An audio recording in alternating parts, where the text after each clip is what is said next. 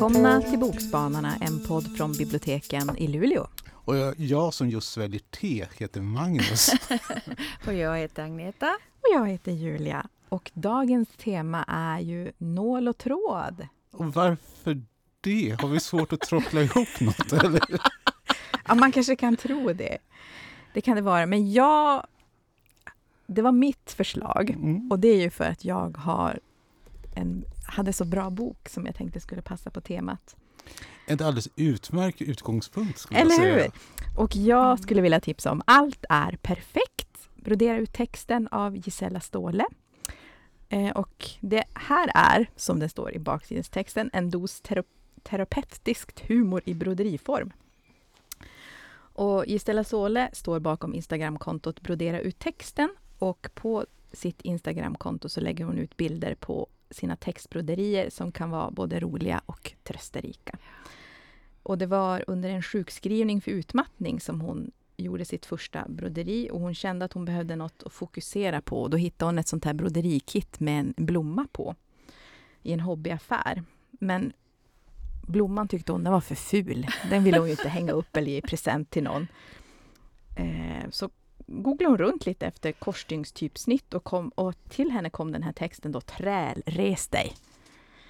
Um, och det var ju en kombination av hennes egen situation och en kärlek till Sven Wenströms serie Trälarna. Så, och när hon väl då hade broderat den här första texten så kunde hon inte sluta. Hon tyckte det var som en ultimat kombination av först det här klurandet på en bra text och sen några timmar att mata stygn liksom och, och eh, få låta hjärnan vila genom att bara göra någonting som är repetitivt, liksom göra om och om. Och så började hon då snart eh, dela alsterna på Instagram. Och det här, hon skriver att att få sätta ord på sin situation och ibland hitta en komisk twist var och är fortfarande hennes bästa terapi. Så sen starten 2017 har det blivit mer än tusen broderier och i den här boken då delar hon med sig av ett urval. Um, och jag hittade ju hennes först på Instagram och jag tycker de är, texterna är både roliga och tänkvärda, ifrågasättande av förväntningar vi har på andra och på oss själva. Och jag tänkte jag skulle dra ett par som jag tyckte var liksom min, bara mina favoriter. Mm. Helgkurs i oro. Oroar du, du dig för lite? Känns vardagen för trygg? Saknar du förmågan att måla upp skräckscenarion? Välkommen på helgkurs på temat oro. Plocka fram din inre oro. Tillsammans utforskar vi och öppnar upp för olika katastrofscenarion. Jag tycker det är så himla, himla bra, liksom att man tar någonting som det brukar vara liksom att öppna upp din kreativitet eller vad som helst annat, men ersätter det liksom med oro och ångest. Det kan göra att man kanske tänker till, tänker lite grann. Um, samma den här liksom, kallelse till ångestmöte. Tid 25 september 3.21. Plats din säng, dagordning 1. Hur går det för dig jämfört med alla andra? 2. Hur dum var din kommentar på APT i oktober 2010? 3. Hur bra förälder är du egentligen? 4. Hur ska du klara av att gå upp om tre timmar? 5. Övrigt. Ah, eh. Det är så himla bra. Och så vissa bara som vila i tid. Mm. Alltså bara liksom, det stämmer så himla bra. Vila i tid. Mm. Så jag tycker... Eh, det, alltså nästan allting är ju dubbeltydigt också. Och så just det här, jag har sett någon som har någon t-shirt med eh, allt är perfekt och då stavas ju perfekt med CK. så det... Um,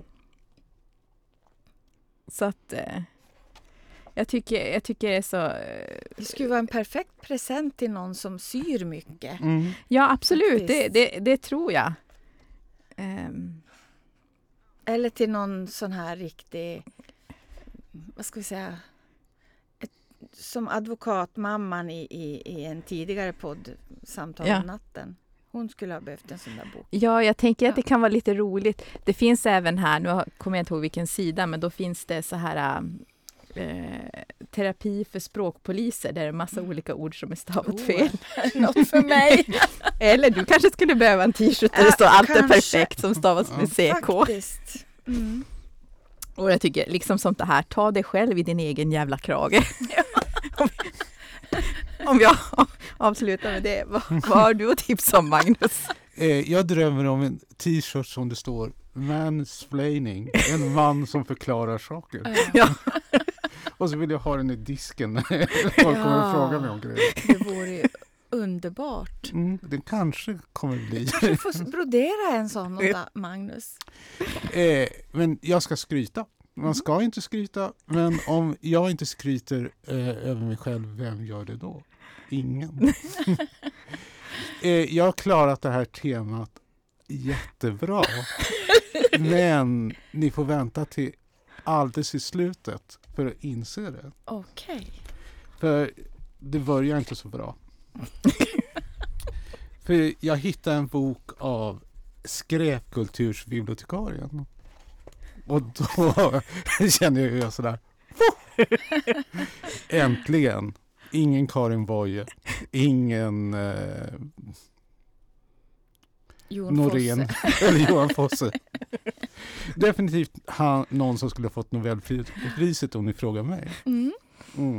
Och den heter då Skräck i populärkulturen av Daniel Gustafsson.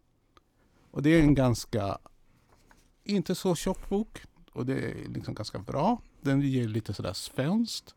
Och Daniel Gustafsson, han är ju naturligtvis bibliotekarie men han är också en sån här mediapersonlighet som har eh, kåserier i, i lokalradio om just då populärkultur och skräck. Och det är det som gör den så bra Mm. eh, bara man tittar i eh, li, kapitellistan där finns kapitel som skitstora monster som förstör städer, oftast Tokyo. Eller sadelserenader och besynliga eh, västern som handlar om sjungande cowboys. Som är då en genre i sig själv som inte jag kände till. Som du genast vill läsa någonting från. Eh, nej, kanske inte. Nej, men Lucky Luke var en sjungande cowboy. Lucky Luke. En Åh. trött ensam cowboy Mm. på väg i solnedgång. Du har en, eh, en eh, ny karriär framför dig. Ja. Och det är faktiskt så, alltså, det finns människor då som har byggt upp hela karriärer på att sjunga cowboysånger, vara med i olika westerns.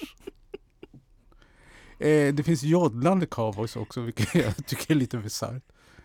Eh, jag tror inte att de är klädda som Heidi. Nej. Eh, men min favorit eh, kapitel är förstås Sjöbjörnar och gråtande barn vid syndigas väg till erkännandet. Som handlar om konst, hemsk konst. Fiskargubben Mm.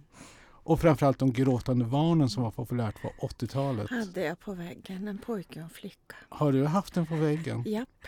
Det skulle inte jag göra om jag var du.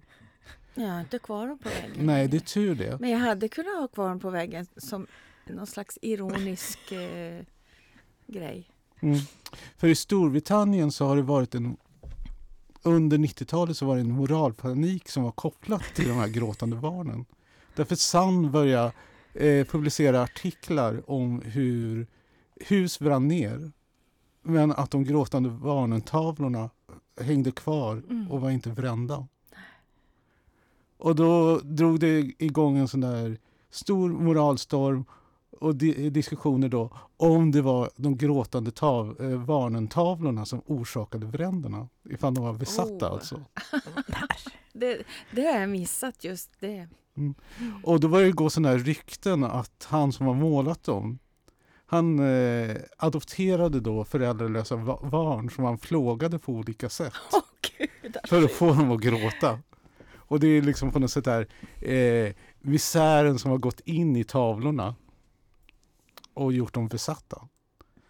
Och eh, det slutade med att Sun samlade ihop massor av sådana här tavlor med gråtande barn och la på hög och tuttade på dem och kunde konstatera att de brann. Ja, vilken tur.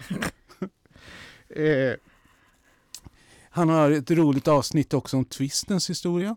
Där man bland annat får re- reda på att eh, Lill-Babs har gjort en låt som heter Nudist-twist. Och här gör Agneta en obetalbar eh, min. Ja, för den kan inte jag. Nej. Eh, hade det, jag kunnat sjunga. det är Taubes nudistfolka Mhm. fast i twistformat. Och här närmar sig kärnan med den här boken. Därför när jag Inte lyssnar på en den. vals för det passar ej alls i nudistens attityd. För i valsen är man pryd.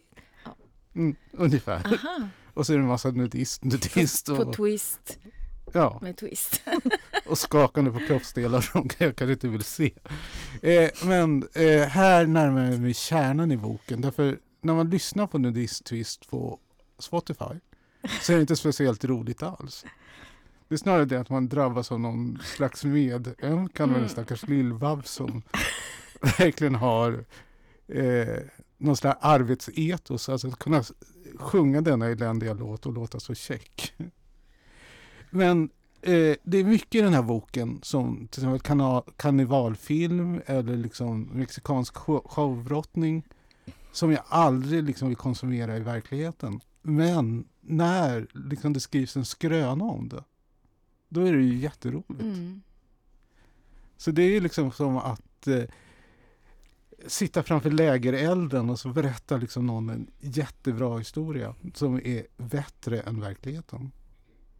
Och det som gör att boken verkligen är genial, det är att varje liksom så här avsnitt, det finns en liten mellantext. Så även om avsnitten är jättespretiga så med hjälp av den här mellantexten så lyckas han sy ihop dem som en nål och tråd. Tada! Alltså du är helt osams. Jag skulle, jag skulle just fråga dig, var kommer nålen och tråden in i det här? Touché. Touché! Ja. Nu har jag gjort min dag. så nu ska jag inte säga något mer. Det där var ju väldigt fiffigt. Åh. Oj, oj, oj. Men en bok som är väldigt rolig att läsa. Även om man inte tycker om karnevalfilm. Mm. Toppen. Ja.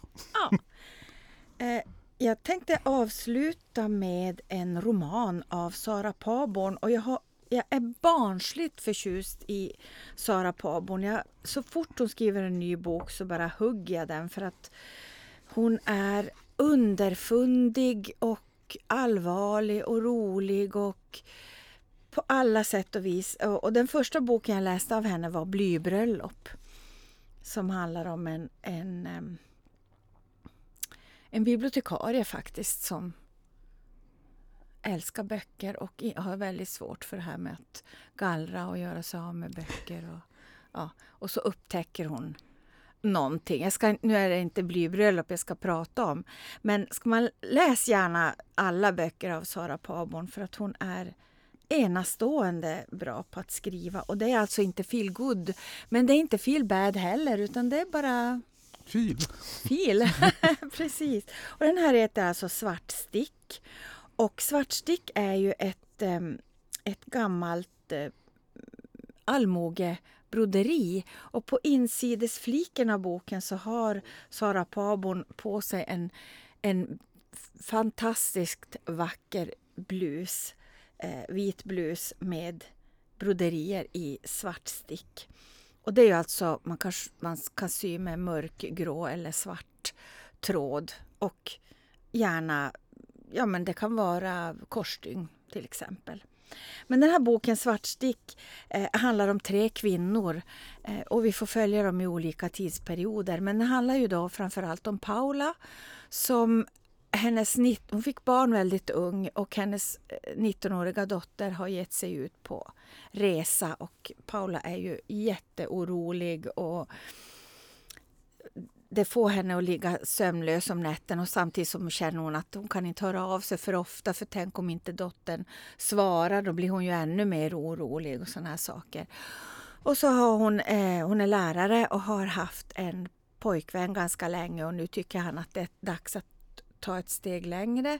Han har ska få ärva ett hus och precis i närheten finns det en stad där Paula skulle kunna jobba som lärare. Hon har fått löfte om en lärartjänst där. Men hon prokrastinerar. Och hon är sån så att varje sommar så åker hon på kurs. Och på den kursen hon far på, det kan vara väldigt olika kurser, så deltar hon så lite som möjligt för att hon vill vila. Hon tycker om att vila. Och hon har ett väldigt trevligt rum och framför sängen så står en kista. Eh, och hon försöker hålla sig undan från den här kursen som då är i svartstick. Eh, och på tal om att sy ihop så syr ju faktiskt eh, Sara Paborn ihop de här tre människorna, ödena, människoödena på ett väldigt perfekt sätt. För i den här kistan som eh, ligger, som är på, på Paulas rum, det är som att någon har glömt att kistan står där och den är inte tittad i på många, många år, men hon bryter upp den. Och där i hittar hon en dagbok. Och hon förstår att dagboken är skriven av en ung kvinna som har inlett ett förhållande med, en, med sin chef som har eh, den här lilla stadens eh, livsmedelsaffär. Han, han, är väldigt, han kommer tillbaka till stan och öppnar en framåtsträvande livsmedelsaffär som inte bara ska ha livsmedel utan det kanske är typ första stormarknaden. Nej, jag vet inte riktigt. Men Anita heter hon i alla fall, den här unga kvinnan på 50-talet. Och i hennes dagbok så skriver hon bland annat när hon har inlett det här förhållandet med Bengt. Eh, måndag 23 februari 1959. Ska till doktorn imorgon. Ber till Gud att jag har fel. Och så fredag 27 februari 1959. Jag vill dö. Alltså bara, bara det där lilla säger ju... Vad fasen alltså. Och resultatet då av Anitas... Hon dör inte, men hon får Gunni som jobbar på den här kursgården eh, i köket. Och hon upptäcker att Paula inte verkar må så jättebra. Men vi får även följa Gunni tillbaka i tiden när hon eh, ska undervisa en ung pojke i engelska och de inleder ett förhållande. Men egentligen är det inte pojken hon är ute efter utan det är någon helt annan i familjen. Men alltså, den är vad ska jag säga? Alltså vissa böcker som jag läser, de är nästan svåra att prata om för att de är så... De är så speciella, de är så bra. Och det här är en sån bok. För att Gunni hon, hon har ett beslut som hon måste ta som hon våndas över. Och hennes mamma Anita är lite småbesvärlig. Hon är en sån här som en perfekt yta. Men Gunny och Anita, An, har aldrig känt att hennes mamma har älskat henne. Så det är ju det är många ormar som kryper under ytan. Och Paula vill man ju bara skaka om och tänka, men för fasen, gör någonting, agera. Sluta vila så mycket. Alltså det är livet som går när du ligger där på sängen och vilar. Alltså, om ni förstår vad jag menar. Mm. Delta i kursen. Eller tala om för din pojkvän att jag vill inte det här. Svara åtminstone i telefon, för det handlar mycket om hennes mobiltelefon som är alltid urladdad eller eller egentligen är den väl inte urladdad för då kan inte dottern ringa. Men hon bara inte svarar när han hör av sig. Så att, ja, förstod ni alls någonting av det här? I alla fall så heter boken Svartstick och den handlar om, handlar om på ytan kan den handla om en kurs i svartstick. Mm. Men under ytan så handlar den om så mycket annat. Jag brukar tänka så här, men det här var bästa av Soran Paborn. Men det här är nog banne med bästa just för att den är så mångbottnad. Jag, jag har tittat på hennes böcker men jag har inte läst den ännu. Men... Alltså hon har ju skrivit Bland annat så har hon skrivit en som är så, den är så dråplig så det är inte klokt. Handlar om, om huvudpersonens pappa som har flyttat, mamman och pappan har skilt sig och han flyttar ut till en ö i skärgården.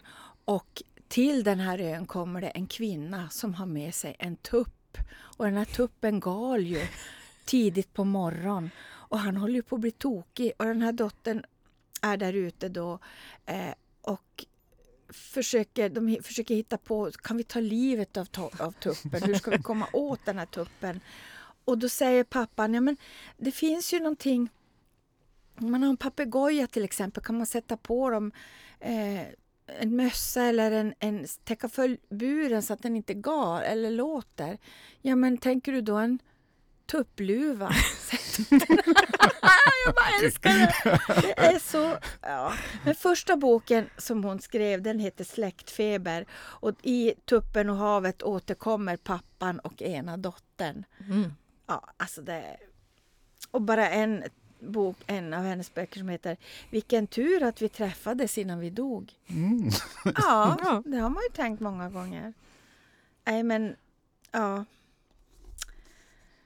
Jag vet inte om Blybröllop är kanske den mest kända, men sen har hon ju skrivit en liten kort bok som heter Änkorna på Österlen också.